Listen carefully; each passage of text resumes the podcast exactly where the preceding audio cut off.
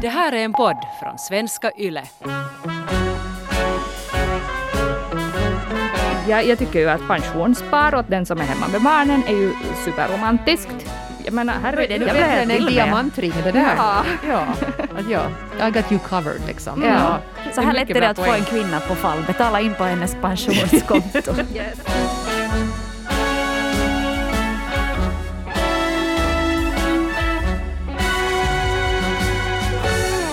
Idag i relationspodden Norren och Frans ska vi prata om pengar. För det är ju någonting som dyker upp eh, nästan oberoende vilket ämne vi än väljer. Och eh, det här hur man förhåller sig till pengar det är ju ganska individuellt och beror på många saker. Men jag tycker att det finns liksom en mätare med vilken man kan avgöra hur folk ser på det här med pengar.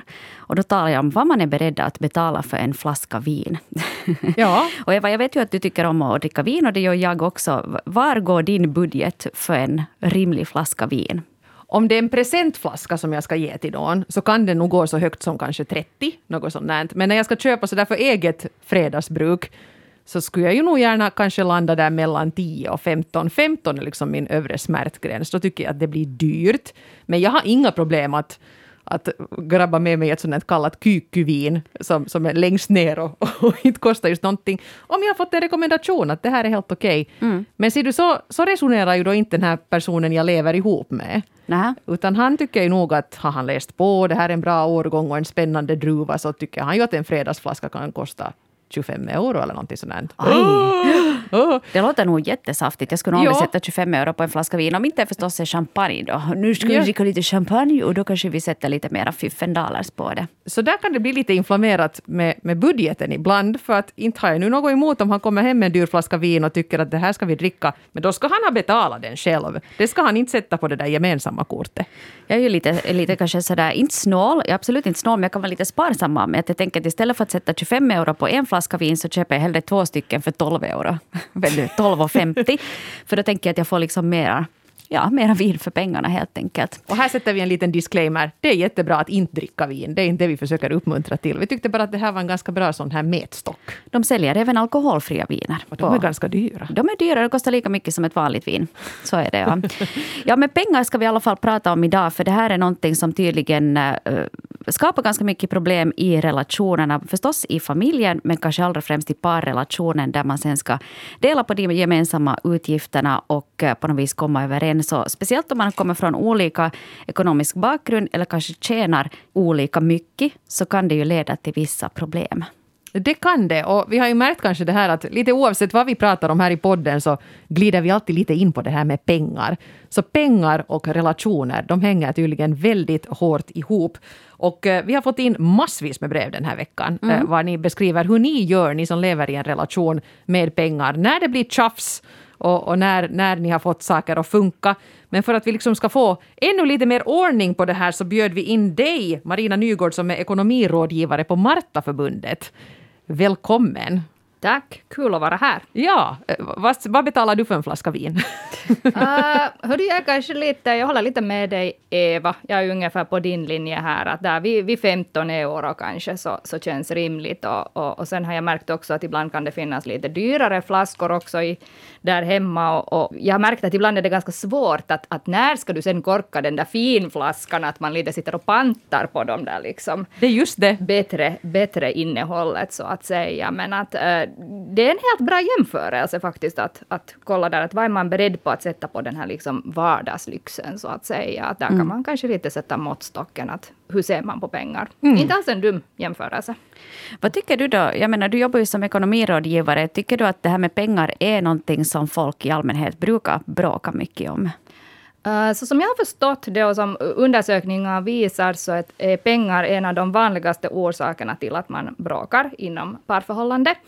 Eh, Det är pengar också, sen finns det en anledning, anledning till att vi eh, bråkar. Skulle ni kunna tänka er att vad är det, vad är det som vi grälar om? Hushållsarbete. Yes. Yeah.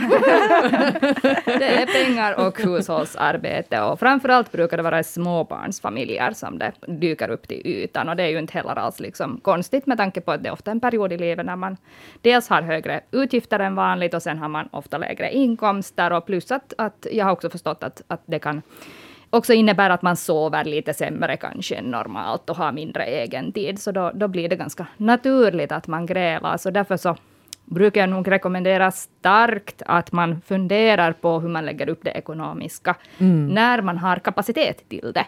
Det är jättebra. När man är pigg och, och orkar och, och, och liksom har förmåga att föra den här diskussionen och lägga upp de här systemen. Inte när månadens kreditkortsräkning har kommit och man är lite i affekt. Men just det här med hur diskutera de här sakerna utan att det blir tjafs och vilka grejer kan vara bra att ta upp. Det tänkte vi att vi skulle försöka summera i slutet av det här programmet, eller denna podd. Eh, Men nu tycker jag vi tar och dyker ner i brevskörden så vi skulle hinna med så många som vi bara kan.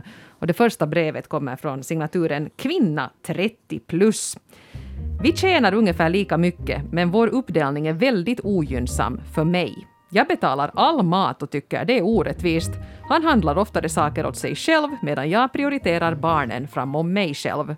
Våra växande barn behöver alltid någonting. Själv kan jag också gå flera år i mina gamla trasor. Jag önskar att lite mera pengar skulle bli över för mig också, men så blir det aldrig. Det känns som att det är så mycket som jag skulle vilja göra men som förblir ogjort eftersom jag aldrig har en slant över. Skriver kvinna 30 plus. Vad skulle du Marina råda denna kvinna att, att göra? Och hennes man, inte bara hon. No, det som jag här reagerar över är att man har en familj tillsammans, man har barn tillsammans, men det verkar som att man inte skulle ha byggt upp ett system. Och oavsett liksom vilket system man än liksom landar i, att jag, jag brukar undvika att komma med pekpinnar, att ska man liksom ha egna pengar eller gemensam ekonomi, eller ska man dela på det? Eh, det finns lite olika lösningar att välja där, och, och, och där tycker jag att var och en ska komma fram till själv, att vad är rättvist och vad passar vår familj. Men i den här familjen så verkar det som att man inte har fört den här diskussionen. Att, att till exempel det att, att maten bekostas av en person, att där skulle det vara väldigt enkel, en enkel lösning att man sätter in äh, pengar på konto. Båda två skulle sätta in pengar på konto som ska då täcka både för barnens utgifter och för, för familjens utgifter, såsom mat och försäkringar och elräkningar. Och, och, och det här förenklar ju vardagen, för att, att jag kan inte tänka mig något mera liksom, eh, onödigt än att stå i, i, i liksom i Prismakassan en fredagkväll och, och gräla över att vem har betalat senast och vem ska betala nu. Mm. Att det finns säkert jättemycket bättre saker att gräla om om man måste ventilera någonting än att Och vem så blir har det sådär, vad har du tagit en jättedyr manchego här? Och det Precis. tycker du att jag ska vara med och betala på fast jag tycker det smakar illa. Ja. Så att här är kanske största problemet det att man inte har utarbetat ett, ett system. Så det skulle jag liksom råda kanske kvinna, kvinna 30 att, att ta den här diskussionen och, och bygga upp ett system. Ni kommer att märka att det, det förenklar också vardagen. Och då hoppas jag också att, att den här mannen också håller med om det. Ja, men var, var, var går han och funderar? Jag menar, just sånt här, jag menar, gemensamma utgifter för barnen, det tycker jag ju borde landa där i samma pott som maten. Liksom. Att det är ju klart att inte någon deras ska behöva stå för det. Jag undrar om det kanske lite ibland blir kvar det här att om barnbidraget går in till exempel på mammans konto, så blir det där läge på att nå, det är nog alltid mamman som betalar allt för barnen. Och barn blir ju liksom ganska dyra där i något Ja. skede. Det här, är, ja, det här är tyvärr inte första gången som jag hör att ett, ett sånt upplägg där det i första hand är mamman som står för, för barnens kostnader. Och, och, och det känns nog lite tokigt. Ja. Mm.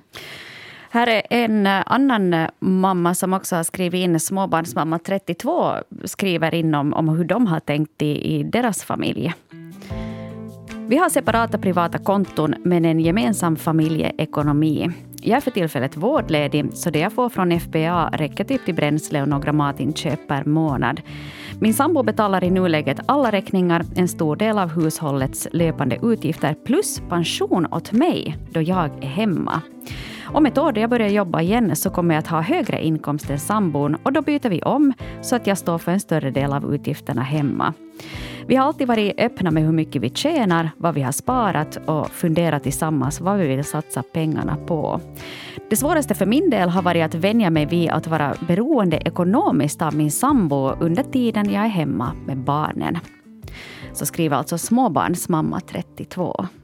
Men det lät ju som ett ganska bra upplägg, inte sant? Det här låter så, som, som musik för mina öron. Det, där, det, här är ju liksom, det här är för mig alltså romantik på den högsta nivån. Att man har lagt upp ett system som är rättvist och fungerar. Baby, nu ska jag betala din pension.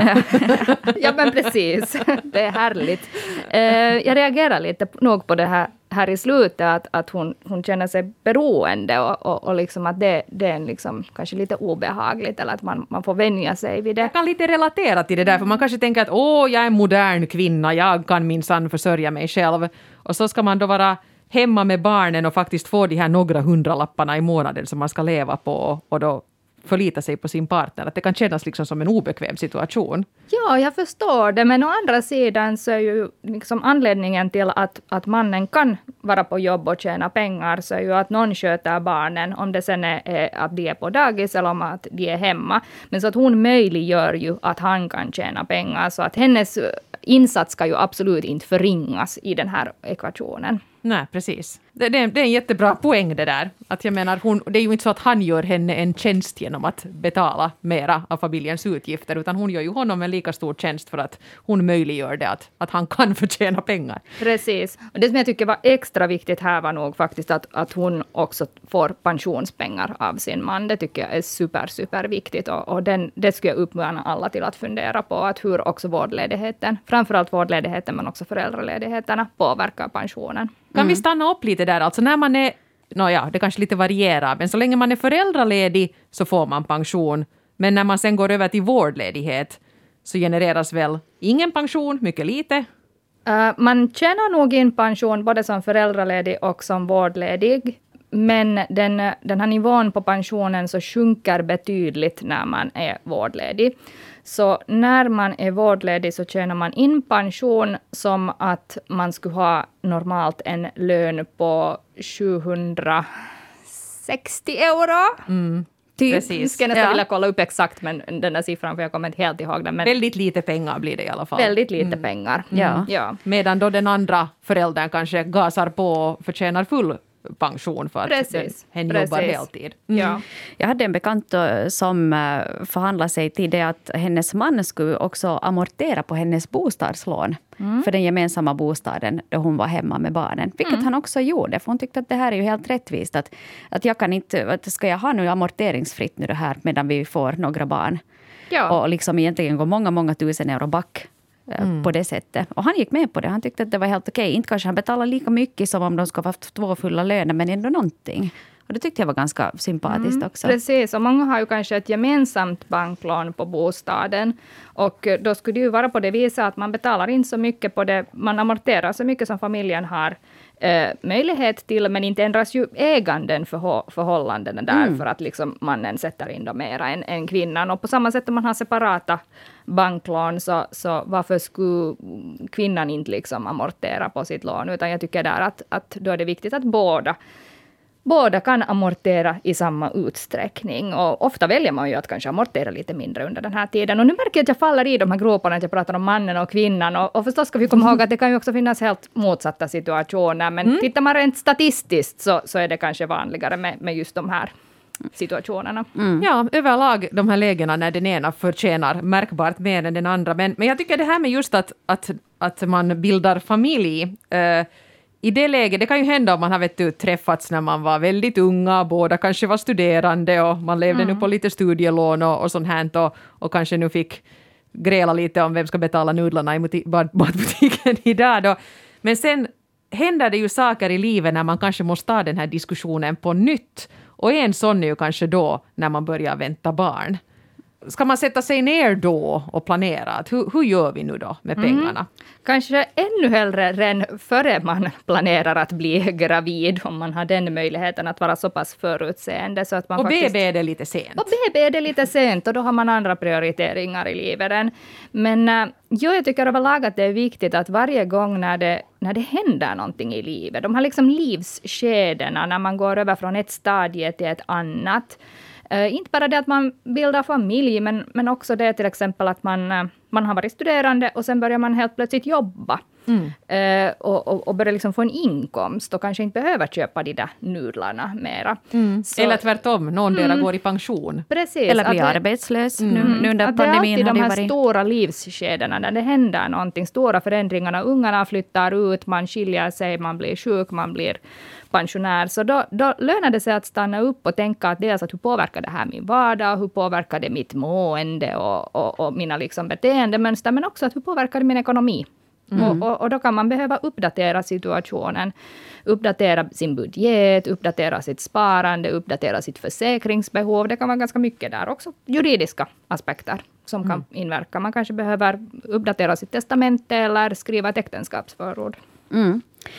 Även det här med livsstil så påverkar ju äh, ekonomin ganska mycket. Du sa Eva att den ena kanske vill köpa en dyr manchego och en 25 euros äh, vinflaska medan den andra då kanske hellre lever på lite nudlar och, och det är det billiga märket som finns i butiken på osten. Och äh, det har Vera, 50, också upplevt. Vera skriver, vi har egna konton dit lönen betalas och på lönedagen flyttar vi sen pengar till ett gemensamt konto för lån och räkningar och också till ett skilt konto som är vårt matkonto. Vi har räknat ut hur mycket som går åt till mat och räkningar och på det sättet finns det alltid pengar till utgifterna och det känns ju bra. Men en orättvisa som jag upplever är att jag betalar in lika mycket till matkontot även om han både äter mer och köper en hel del öl, vilket jag inte gör. Ett annat problem är att mannen förtjänar ganska mycket mer och har möjlighet att spara pengar på ett sparkonto. Jag har ingen aning om hur mycket han har, eh, för jag har inte samma möjlighet att spara privat. Jag har försökt diskutera saken men det blir nog bara gräl så nu struntar jag i det. Men tyvärr tär det på och min känsla av samhörighet har minskat. Skriver Vera, 50. Där ser man en sån här till synes kanske en liten struntsak att han köper mycket mat och, och, och öl och är lite förtegen om sitt sparande så kan få, liksom, kan, kan få in en sån här kil i förhållande. Mm. Många väljer ju nog en sån lösning att man betalar in till de gemensamma kostnaderna enligt egen förmåga. Det vill säga att man kanske betalar in en procentuell summa. Att båda betalar 50 procent av sina inkomster till de gemensamma utgifterna och då blir det ju så att den som tjänar mera bidrar också med, med mera. Uh, och uh, jag gjorde faktiskt en liten gallup här för en tid sedan i en, i en uh, Facebookgrupp där det finns många ekonomiintresserade och, och det visade sig att det här var åtminstone bland Bland de som svarade där, den här är väldigt icke-vetenskaplig, men där var det faktiskt den vanligaste lösningen. Att man betalar in proportionellt, alltså mm. enligt egen förmåga. Så gör vi. Den ena förtjänar mer än den andra, så vi delar alltid maträkningarna 40-60. Mm, precis. Och det känns väl relativt rättvist då. Mm. Jag skulle kunna tänka mig att det skulle vara en lösning här för Vera, men det låter ju kanske lite som att Veras man inte riktigt håller med. No, där är det ju också det här med, med, med, till exempel det här att om han köper mycket öl, så alla kan tänka att de är vet du, några bärs hit och dit, så det kanske inte är så stor skillnad. Men om du fast har då ett intresse för tjeckiska öl eller vet du, importöl som kanske kostar 3-4 euro flaskan eller burken, så blir det ju kanske att om du nu köper fast 10 stycken i månaden eller 100 stycken i månaden, så det blir ju ändå till ganska mycket pengar. Att hon kan ju förstå att Vera känner sig lite frustrerad för det också, att om hon själv dricker kranvatten, mm. att om han sätter fast då 100 euro i månaden på pers. Eh, så är det. Och, och, man kan ju kanske ibland tänka att no, men, vad är det nu för skillnad liksom att, med matkostnader och så. Men att, att matkostnader är faktiskt en, en väldigt stor del av vår privatekonomi. Uh, det brukar vara på det viset att boendekostnader är det som tar upp det mesta av ens utgifter. Sen så ifall man har bil behov så brukar det vara uh, också, också väldigt dyrt. Men om man inte har bil så brukar matkostnaderna vara det, det näst dyraste i en ekonomi. Så att när man ser över sin ekonomiska situation så man, man kan inte riktigt liksom strunta i matkostnaderna. Det är för stor andel av vår privatekonomi för att vi skulle tänka att no, men det är nu det far nu 500 euro i månaden, så är det nu bara. Det är inte på det viset, utan, utan vi kan nog själv påverka våra matkostnader väldigt mycket. Så ur den synvinkeln så tänker jag nog att det skulle vara bra för Vera att, att sätta sig ner och försöka ta en lugn och konstruktiv diskussion med sin, sin partner på att mm. hur man kan lösa den här situationen. Jag tänker bara spontant att kan inte han betala de där ölerna själv? Att om de nu delar på övriga matkostnader så fast det att om du köper, om jag går och handlar till butiken och så mitt i allt får jag för mig att nu ska jag shoppa loss här i sminkhyllan och kanske det går 50 euro till, till sminket. Så då kanske jag skulle betala den delen ur min egen ficka. Medan själv, och han kanske då betalar sina öl, mm. importöl liksom ur sin ficka. Och så tar man bara liksom den där maten och delar på den. Precis, alternativt att man kommer överens om att till våra gemensamma matkostnader så plussar vi också till lite. Och, och då du köper din öl och, och, jag kanske då köper mitt smink. Vi kanske också har, alla har någonting som vi lite vill prioritera. Det kan ju också vara att Vera har också någonting som det får lite mera pengar till. Det, det kommer ju inte upp här i det här brevet, men det är ju också möjligt. Hon köper nu Damernas Värld varje månad. Och, och lite jättenödvändiga snittblommor till hemmet. Ja, men i alla fall, det, just det där att man liksom i en, vid en neutral tidpunkt sätter sig ner och tittar lite på de där utgifterna. Mm. Jag blev lite här nu och funderar på att Eva, tänker du att snittblommorna ska man stå för själv? No, det beror väl lite på. Ja, Men det jag är har nog till- räknat det till gemensamma kostnader. Ja, ja, för det är ju trivsel i hemmet. Ja. Ja. Oj, du köpte blommor till mig, ish. en halv blombukett har du gett till mig idag. Tack. Resten betalar jag själv. Vi går vidare. Ja, eh, det här med tillit eh, tycker jag blir aktuellt här också i det brev som vi har fått av Kickan, eh, 55, som helt enkelt skriver Trots god ekonomi snålar han medan jag då slösar på kläder, smink, väskor och skor. Han muttrar om mina inköp och jag brukar låtsas som att jag inte hör. Och så har det nu varit hela tiden och jag tjatar om att nu måste han köpa nya kläder. Men nej, den gamla fula oljerocken går han omkring i ännu.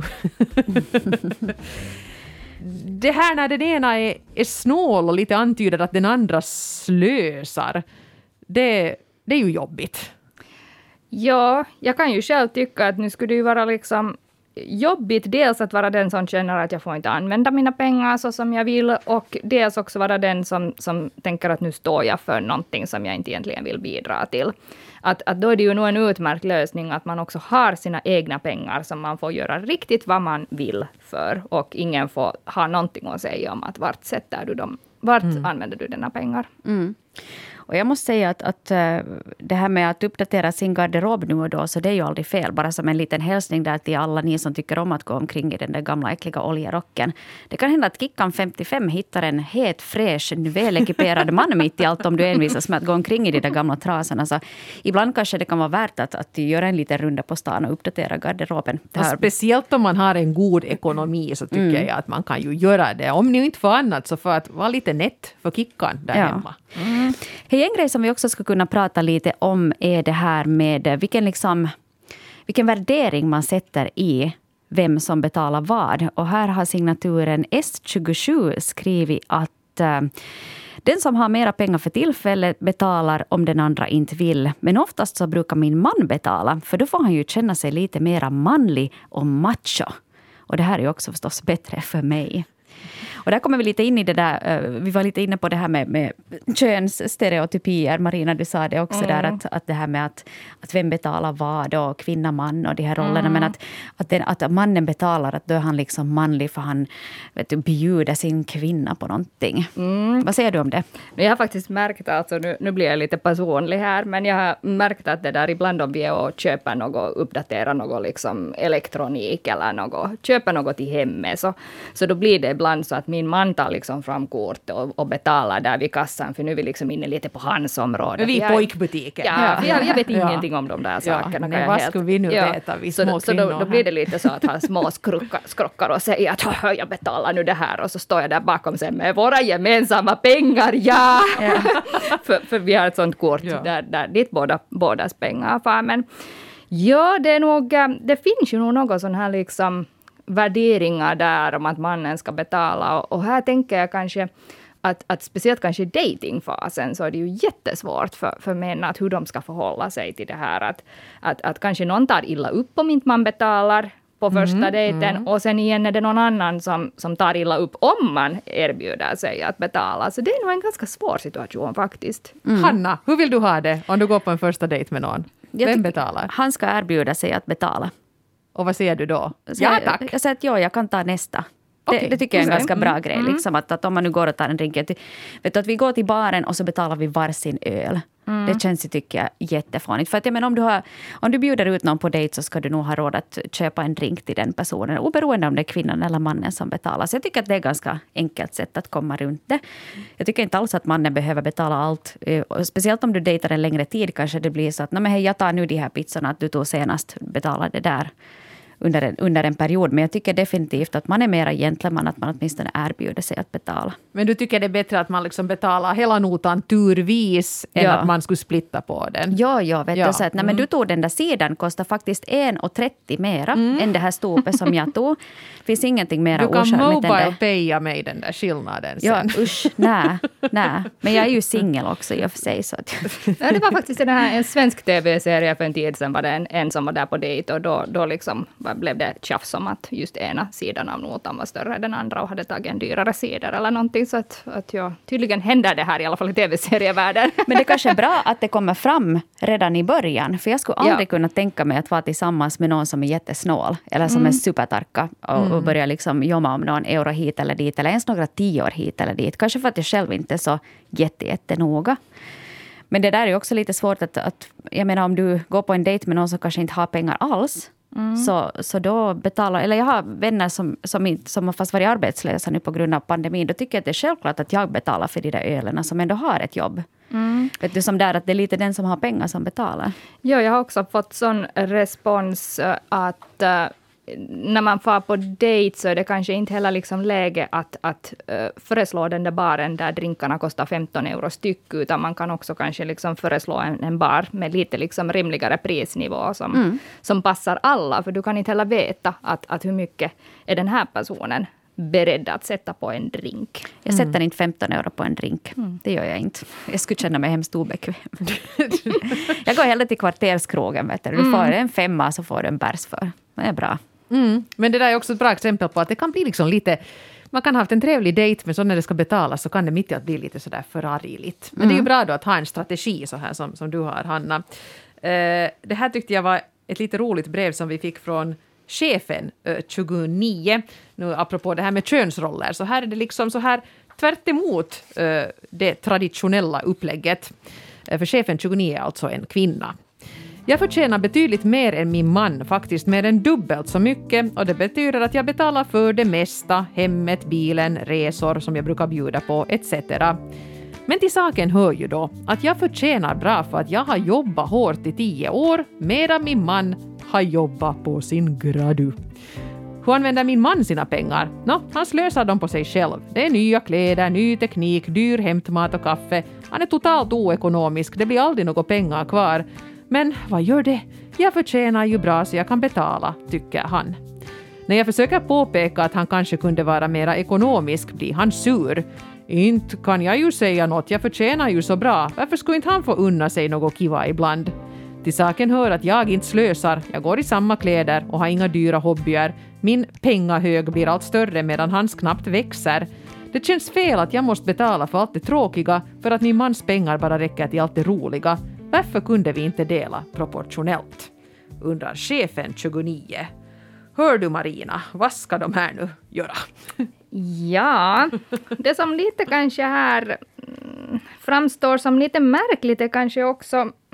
Jag menar det att man har en annorlunda ekonomi, att man inte har samma förutsättningar, så det betyder inte att man ska behöva på det viset stå i, i, i tacksamhetsskuld till den andra.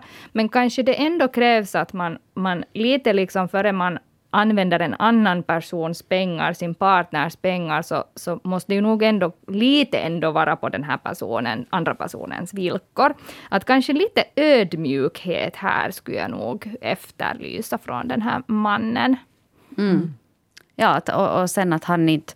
Det känns lite som att han har blivit van med att ha det lite för bra. Och han tänker att men hon har pengar. Att det är klart att jag kan sätta sprätt på det. Att hon, hon backar nog upp mig. Men det känns lite som att han liksom skulle ha skaffat sig en ny mamma. Liksom det här, om han nu ännu är evighetsstuderande och kanske då också är i samma ålder som, som chefen här då, kanske närmar sig 30, så kanske han aldrig riktigt liksom har insett vad saker kostar. Att han kanske gick raka vägen in till det här, någon annan tog ansvar för det här. Och hyra och bil och, och resor och sånt liksom bara, bara händer och allting ordnar sig. Och så tycker han att yay, jag har fått studiestöd, nu ska jag köpa mig en, vad, vad han nu sen vill ha. En Ja. oljerock. Jag blir jätteirriterad, chefen 29, på din kar. Jag tycker han skulle kunna skärpa sig. Jag tycker det här är helt skamlöst och jag tycker att du gör helt rätt i som säger till åt honom fast det skulle bli lite dålig stämning också, för han beter sig ju riktigt barnsligt. Mm. Det är ju klart att man i ett förhållande, så, så om den ena personen tjänar avsevärt mindre för en tid, så, så det hör ju till att man ställer upp och man, man, man chippar in om det behövs. Men den här situationen verkar ju ha pågått ganska länge och, mm. och finns inte heller riktigt ett slutdatum här. Och, och sen också så kanske det lite sticker i ögonen också att de verkar ha väldigt olika konsumtionsnivå. Att, att det här att den personen som, som tjänar mera, chefen, så, så det där är väldigt sparsam, medan, medan då den här graduskribenten så, så tycker om att, att leva lyxliv. Mm. Jag måste fråga er en sak, Marina och Eva. Vad tycker ni om det här med pengar?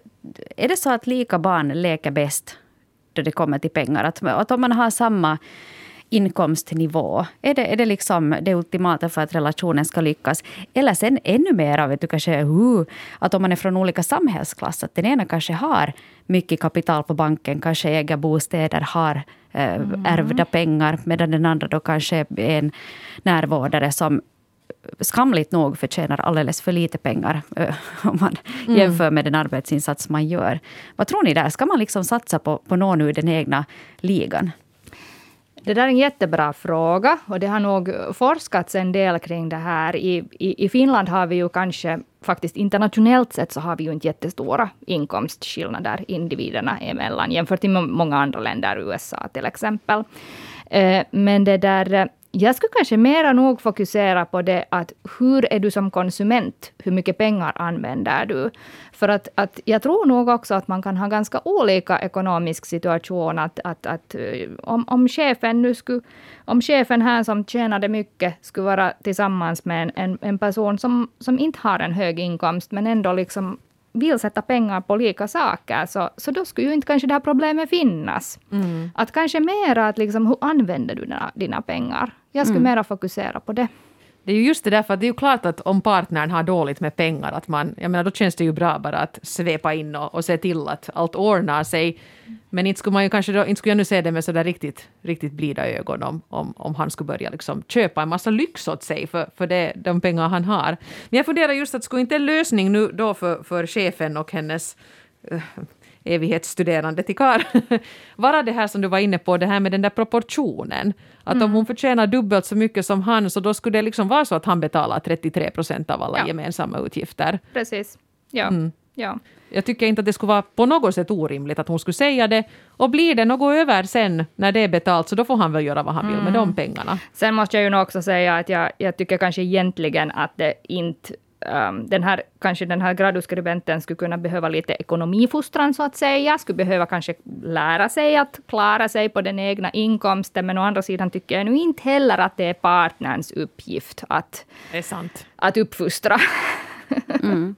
De kan ringa till dig istället, Marina. Mm. Ja. Det, det här paret skulle riktigt bra kunna ringa till mig och så sätter vi oss ner och gör upp en plan. Det skulle vara en bra grej. Mm. Ja, ja, där mm. fick ni ju ett, ett, konkret tips. Plus att det är ju att göra honom en tjänst också. Mm. Jag menar, det är ju bra att kunna de här sakerna och ta kontroll. Det känns ju säkert ganska bra om man skulle märka att hej, att jag mm. klarar mig ju ganska bra och sen när gradun är klar så kommer jag klara mig ännu bättre. Mm. Min pappa brukar alltid säga att bara du ser till att du har mera inkomster än utgifter, då kommer du att klara dig i livet. Och det har jag kört på. Det är ett helt bra motto. Ja. ja. Ska vi brodera det i korsstygn? Ja. Så kan du ha det på väggen. ja. Mm. Uh, vi ska ta ett brev här ännu som kanske lite sammanfattar det vi har snackat om här och det är eh, ett par i 25-årsåldern som har skrivit. Eh, vi tycker det är svårt att som relativt nytt par veta hur man ska göra med ekonomin. Vi vill bygga ett liv och en framtid tillsammans, men vad är vettigast att göra angående just det här med pengarna? Vi har båda våra egna hobbyer, vi har olika stora inkomster och vi har också ganska olika syn på vad man ska lägga pengar på. Går det att komma fram till en gemensam ekonomi utan att bli oense om den ena äter lunch ute varje dag eller lägger flera hundra euro på bildelar varje månad, medan den andra tycker om att satsa på hemmet i form av inredning och saker man kan göra tillsammans. Vi är rädda att det ska bli irritation och kännas orättvist. Detta, det var ett ganska ungt par här som ställde den här frågan, men, men frågan gäller ju alla kanske som, som slår ihop sig, fast man skulle vara två frånskilda pensionärer. Mm. att hur ska vi göra gällande det här? Tycker att det är jättebra att de ens funderar i de här banorna och har insett också att var de här eventuella konflikterna kan uppstå. Så, så jag, jag skulle säga att åt det här paret att, att heja er, ni är på god väg. Överlag så skulle jag säga att just att, att ta den här diskussionen, gör det ganska systematiskt. Jag har ju i två år försökt lansera ordet fyrkdate, men det har ju inte tagit sig ännu heller. Oj, men jag, jag, jag, jag lystrar till. Det låter trevligt. Får Ja. man vin?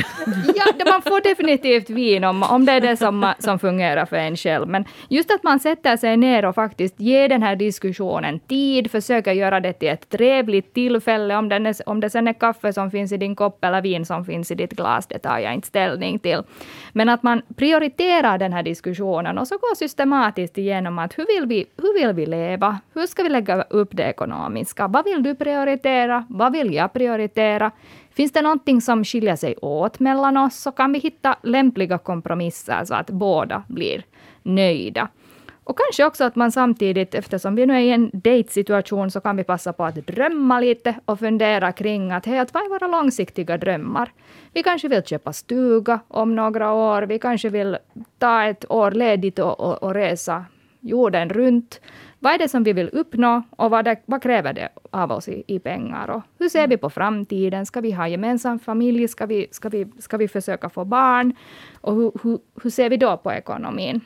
Och så kan jag tänka mig, det här med fyrkdate låter bra för att den här tajmingen tänker jag mig att det är ganska väsentlig här. Mm. Att Jo- man måste ha den när båda är på gott humör och, och det är liksom inte någon, någon sån här elefant i rummet som, som man borde diskutera. Ja, jag tror att problemet är ofta det att om det är så att det alltid liksom blir gräl kring ekonomin, så tror jag att problemet ofta är det att, att, att du väljer liksom fel tillfälle att ta upp det till diskussion. Att det kommer just eh, då när liksom partnern kommer hem och har köpt nya högtalare, och, och då liksom tycker man att det är ett bra tillfälle att, att diskutera ekonomi. Men, men det är lite fel tillfälle, utan vi måste försöka göra det till ett trevligt och positivt tillfälle, som, som, och att båda får ut någonting av den här diskussionen och känner sig sedda. Mm. Och jag tror att det här är, det är jättebra tips där som du säger Marina. Och jag tror också att det är viktigt att komma ihåg det som du Eva nämnde där också. Att, att det här gäller inte bara det här 25-åriga paret. Utan kanske också att om du är äldre, ska vi säga att du är 60 och har skilt dig. Och, och sen har, då har du ju mycket mera egendom än vad du har som 25-åring. Att man då också ser att hur, hur tänker vi där. Så säkert en, en fyrkdejt eh, är lämplig i alla åldrar. Oh ja. Och kanske regelbundet, sådär Mm. som att föra bilen på besiktning, så ska man sätta sig ner och titta att hur står det till med familjen AB här nu.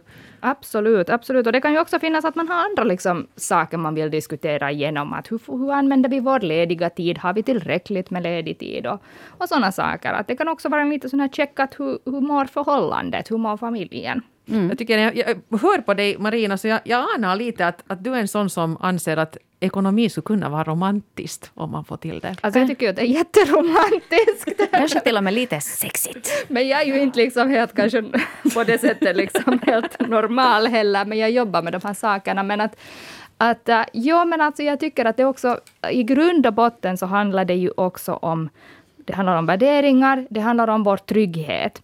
Så till exempel, jag, jag, jag tycker ju att pensionsspar åt den som är hemma med barnen är ju superromantiskt, eftersom det, det bygger på idén att jag vill att du, som just nu tar hand om våra gemensamma barn, ska ha en trygg ålderdom, oavsett om jag finns med i bilden eller inte.